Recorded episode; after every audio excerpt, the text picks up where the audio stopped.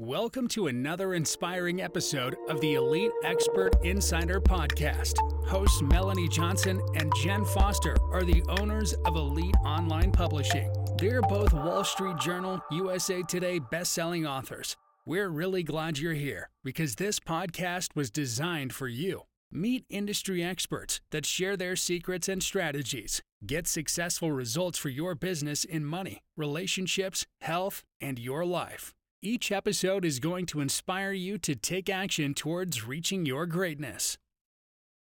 Hey everyone, it's Melanie Johnson. Thanks for joining us today. I've got my business partner from Elite Online Publishing, Jen Foster, with me. Hi, Jen. Hey everyone, how's it going today? So, you know, the buzz is real estate. Where in the heck is it going? It was so hot, the market was on fire. And now the interest rates have gotten higher. How do you invest? What are the keys to being successful in investing? How do you create passive income, take advantage of the taxes? Well, we have a huge expert with us, Dre Evans, with us today. Not only is he an expert at leadership, but or an expert at real estate. He's an expert at leadership. I know I'll get that out. Dre, thanks for coming today. Really appreciate it. Thank you. I'm glad to be here. And tell us a little bit about yourself and how you got involved into real estate. Wow, that's quite a story. So, Naval Academy graduate.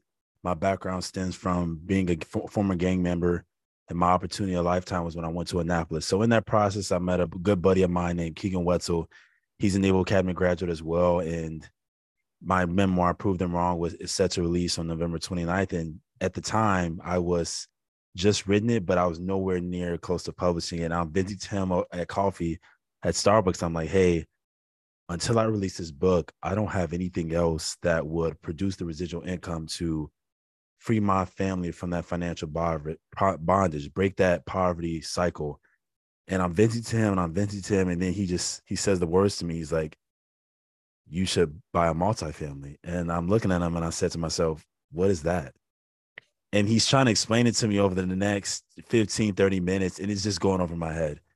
And I think, and for me, I'm a Christian guy. So I think that was God's funny way of entertaining me. And you have to show people, show and tell. And they always say that people perish for lack of knowledge. And sometimes you cannot dream what you cannot see. I think there's a big commonality in Chicago coming out of South Side coming from what we, what would you would consider the ghetto or the hood, because it was always commonplace that if I don't make it to, I hope I make it to 21. And I can, I didn't dream, I didn't have anyone that was a business person. I didn't have any successful males around me. And I think God realized that in that funny way. And so he was like, okay, I'm going to show you. So we get in the car, we drive down the street and we pull up to this property. Now, mind you, the backstory, the funny part about this is when I completed my last deployment on the DDG, I came back. It was COVID. All the gyms in San Diego were closed. And as I'm a gym buff, love working out. And there was only one gym now, one of the primary ones that was open. It was called Grinders Gym. And I remember pulling up to the gym. It was owned by a veteran, but I parked in this block. In this block, I remember pulling up, and it was a super nice house. And I was like, man, that's a really nice house. It had the little rooftop deck. There's a couple out there. So when we pull up to this multifamily property, it was right next door to that house. Mm-hmm. So that was the other connecting dot that I thought was very funny. And I learned that all the multifamily properties on that block were owned by Academy graduates, West Point and Naval Academy. So that was the other sign. Wow. And then it was like, in my opinion, God took it a step further because now he allowed me to see it. But then he allowed Keegan to take the next hour or so and explain to me and literally data dump, brained up everything he could tell me about multifamily, but it just went all over my head. And looking back, Keegan reflected that he thought he scared me away, but it was the opposite. I was a I'm a big reflectionary person, and I went off, went away, and I, for the next three four months, I consumed everything I could about multifamily real estate and real estate in general, and real estate taxes, real estate law, and then shortly after that, I bought my first multifamily property in San Diego. It was a two million dollar property. It was a four unit in Pacific. Took me about a couple months, got it to cash flow about a thousand bucks, fifteen hundred bucks a month. And then from there, I did 12 unit deal in San Diego, and then a 75 unit deal in Texas. And then right now, I'm under contract on a seven unit boutique hotel in Cabo, San Lucas, right off the distance from the beach. Nice. And then wrote That's My Property, started the podcast, started the, one of the biggest meetups in San Diego with over 100 members. Um, nine sponsors for that. We had two sponsors for the podcast. It just went like boom, and I'll be two years in this December. Wow. And I think you have to really be brave to jump into multifamily. My son has been trying to push me to do multifamily. I've always done single family homes. And my scary part is who's going to be collecting all the rent? You got to have a management company, even if it's for a fourplex. Like, I don't want to have to manage that. I've got a day job. So, walk us through why we shouldn't be afraid and what we should know ahead of time and have in place before we jump into multifamily. I would tell you that it also depends on your goals and wants. I do believe that there is a strength, and you will have some people argue this. There is a strength to managing it yourself. Mm-hmm. Do learn a lot of the ins and outs of laws and dealing with tenants and having your systems in place. That is great, and you do keep more cash flow. That is true, but then it's at what at what expense, and that is your time. One thing that I've learned as an entrepreneur that again, some people may disagree with this, but you have to look at scalability. Also, again, your goals. Are you just trying to be a small mom and pop operator, or are you trying to scale a business? And any true entrepreneur knows that in order to scale, the most important thing is time. And can you buy time? And so for me, if I have a property manager in place, that buys me time. I don't have to deal with anything. Just send me the checks. I should just see checks in my bank account, and that's all I care about. And that has, I think that alone is what allowed me to continue to scale my business the way I have because I don't have to. Yes, I'm not making as much as the person that is managing it on their own. But look, I scaled faster. So I have mm-hmm. more doors. I have more units that are now producing me more income. I'm able to do other things, put other systems in place for my business to grow it because I have that time compared to the other person. You're growing at, okay, I got a property every two years or so, but uh, we're doing multiple in a year because of that system. So that would be my critique to people based on your goals and what you're looking to achieve. There are positives and negatives to both, but I truly believe that you should err on the side of the right side of time and the freedom of time, purchasing in time in whatever way you can. So, how do you find a great management company? So, you're starting out, mm-hmm. and mm-hmm. before you buy that multifamily, you should really find a great management company in that area. So, you True. so you have management. You have Cabo, you have California, you have different places. So, they're all different management companies, I would mm-hmm. imagine. Mm-hmm. Correct. My my thing would be there's many ways you can do it. So, mm-hmm. the first thing is you can just drive if there's an area you live, you can drive the neighborhood and look at all the properties that are really nice. Find out who manages them. You can call, and there's that. Hmm. Sometimes they even post signs and they'll say managed by whoever, but you can also look up information on the property itself and find out who it's managed by. If you have the address, you can Google it. You can find out that way. If it's on Zillow, whatever it may be, you can find out who's managing, whoever's answering the phone. There's one tactic. The second thing is agents and brokers that deal with investors mm-hmm. reaching out to them, reaching out to the ones that are more experienced in the game. They mm-hmm. can have recommendations. And then I would say just research. If you did do a Google search and you looked up, let's say San Diego, best property management companies in San Diego, obviously there's going to be a big list that comes up. Mm-hmm. But there are going to be constant questions that then at that point you can interview all of them. You can gauge based on what they say, how they do their leases, what criteria they look for when they select tenants, what things they have in place. You can talk about security deposits. You can talk about fees. Do they, how do they handle reimbursements? How do they handle the move out procedures? How mm-hmm. often do they go to the property? All those different questions. You can go on Google and also too, and there are also books that can get a list of common questions or common criteria on how to vet a property manager. But those are just a few different ideas that you could do. Another one that I didn't mention is even going to a local real estate meetup. You can go to a local real estate meetup. You can meet investors there and ask them, hey, who owns in the local area, what property management company do you recommend?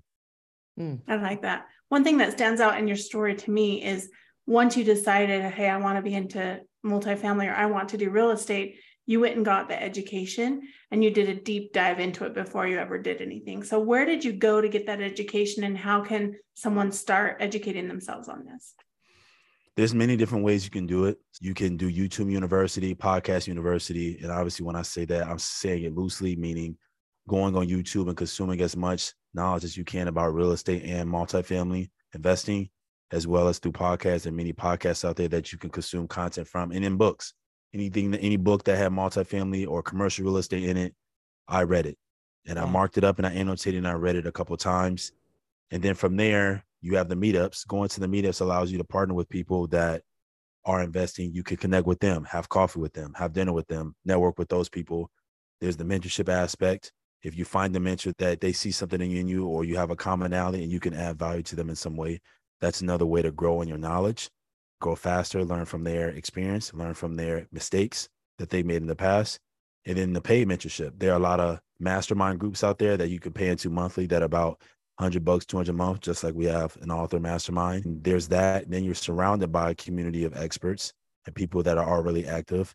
And then there's the really big paid mentorship programs where you might pay 20, 30, 50, 100 grand. And some people might say that's outrageous, but it's worth it because you're getting everything in one for you're getting a good bang for your buck. Now I know that there's some people that have been scammed from that. You have to do your due diligence on who you're doing that mentorship program through. But mm-hmm. there mm. are some reputable ones like the Avengers Mastermind. That's a, a big one in San Diego with Ken Clothier. There's a lot of big wigs in that group. And I think that one's 50, 100 grand, something like that. Don't quote me on that. But it's a lot. It's a, it's pretty steep. But again, if you're, if that puts you in a room when everyone is a millionaire, you're going to learn from millionaires. So that 100 grand that you spent, that 50 grand that you spent is nothing in comparison to what you're going to learn and make in a year. Yeah, compresses time, like you were saying, what you do with the multifamily and having a management company. So there's a lot of tax advantages with owning real estate and mm-hmm. owning uh, multifamily. And now the interest rates are so high, right? They just went up again. So you might even pay 8%. Is it still a good time to invest? And does it work out with the tax advantages that it's still anytime is still a good time? It's similar to the mentorship philosophy in the sense of spending that 50 to 100 grand for that mentorship and people think it's outrageous because they can't quantify their return on time, you should always buy real estate. At the beginning of COVID, everyone was saying, don't buy. And now those people are kicking themselves because they didn't buy. Yeah. Not only because prices were lower, but really the biggest thing was what? Interest rates. Yeah. And to look how the value value too, values were lower and interest rates were low. And yeah. value shot up and now interest rates shot up. And now people are saying that we're in a recession. Now people are saying don't buy. But again, depending on your market, you should still buy because it's only going to go up. It's not like it's going to go down. And that's the thing that people don't realize. Back in the day, if we looked at trends, people would have said that today would have been unachievable. We would never had the price that we have. In my parents' lifetime, they had interest rates at seven, eight, nine percent, and they still cash flowed. So mm-hmm. now what it is, people got spoiled of the COVID rates, and now they're screaming and running in the streets and hoopla saying that the interest rates are too high, don't buy in real estate, or, or we're in a recession. But think about it. And I said this in my motivational speaking. LeBron James is going to go out and play basketball in the off, no matter what's going on in the world. Even during COVID, in the bubble, what they do, they still find a way for them to play. When he's not even in the off season, he's training. A real estate investor, someone that's truly successful, an entrepreneur too, is going to find a way to run their business no matter what is going on, even if it's a zombie apocalypse. Mm-hmm. So people should approach it in the same way, and the same mindset in real estate is that it is always a good time to buy. Now you might have to shift your criteria. You might have to be more creative in your investing and your financing and how you make a deal work. But it's always a good time to buy because at the end of the day, values are going to continue to go up. And when you look back two, three, five years now, if you owned it, if you bought it sooner, it's still a win. You can always go back and refinance later when rates drop. Mm-hmm.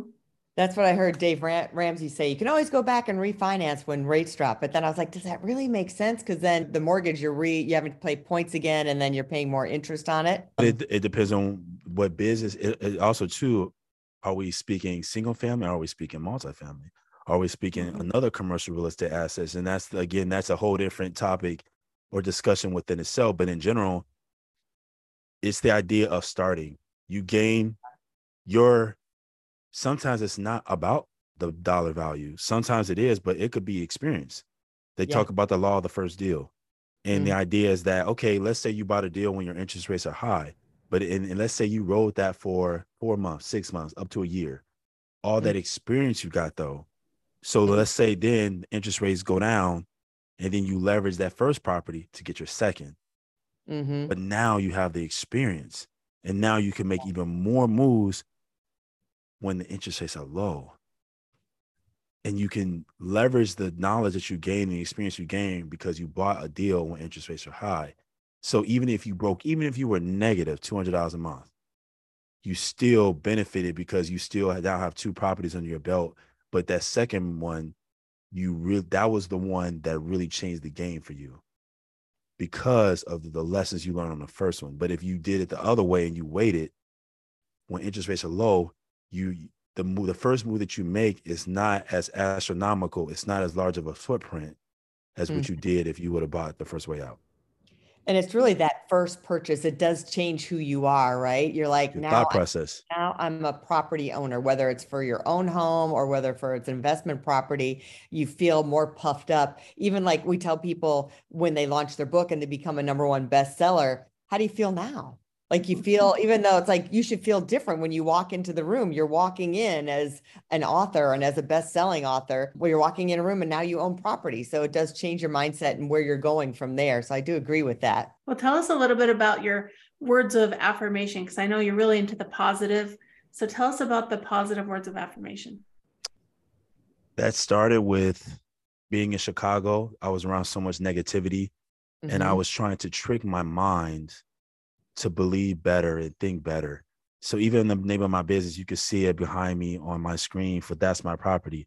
So that's my property alone. I wanted something that when people said my business name, it made them feel something. It, that mm-hmm. it, the name of the business alone is an affirmation. So people can go and say that's my property. You can claim that on anything that you want to purchase. I can claim that on anything I want to purchase. And even the logo itself is a sticky note. I wrote on sticky notes. I posted them on my car. When I get in my car, I have all my goals for the month, for the year. And I read them every time I get in my car before I drive. I have sticky notes all over my bedroom, like windows, on the walls, in my bathroom windows. You're brushing your teeth, you're washing your face, affirmations. So that all on my desks are just things. You have the gift of storytelling. There are two types of pain the pain of discipline, and the pain of, pain of regret. Which will you choose? So there's mm-hmm. all these different things that I surround myself just being positive that people don't realize that after a while, your brain will shift You'll be very optimistic when you create when you have faced resilience, when you face adversity, instead of thinking woe is me or instead of thinking this sucks, you're like, find a way. What is the lesson learned in this adversity? You know what I mean? So I think that it's just a big mindset shift. And when you have that ability to look at struggles and problems in life and be able to be a problem solver, that's when you, your outlook on life changes and your ability to really make moves and really make impact in people's lives.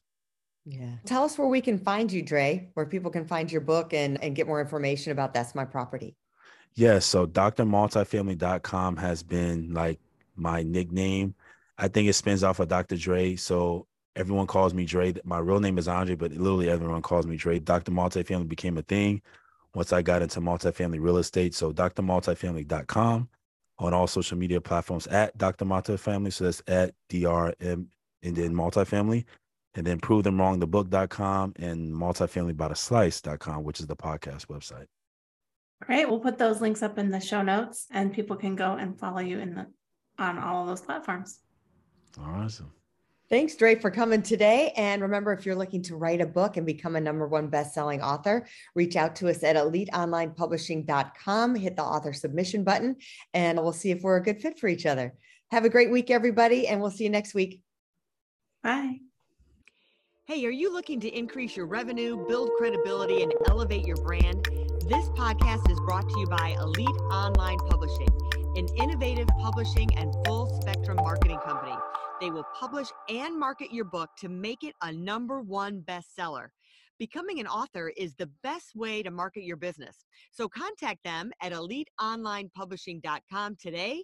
All of their authors become number one bestsellers.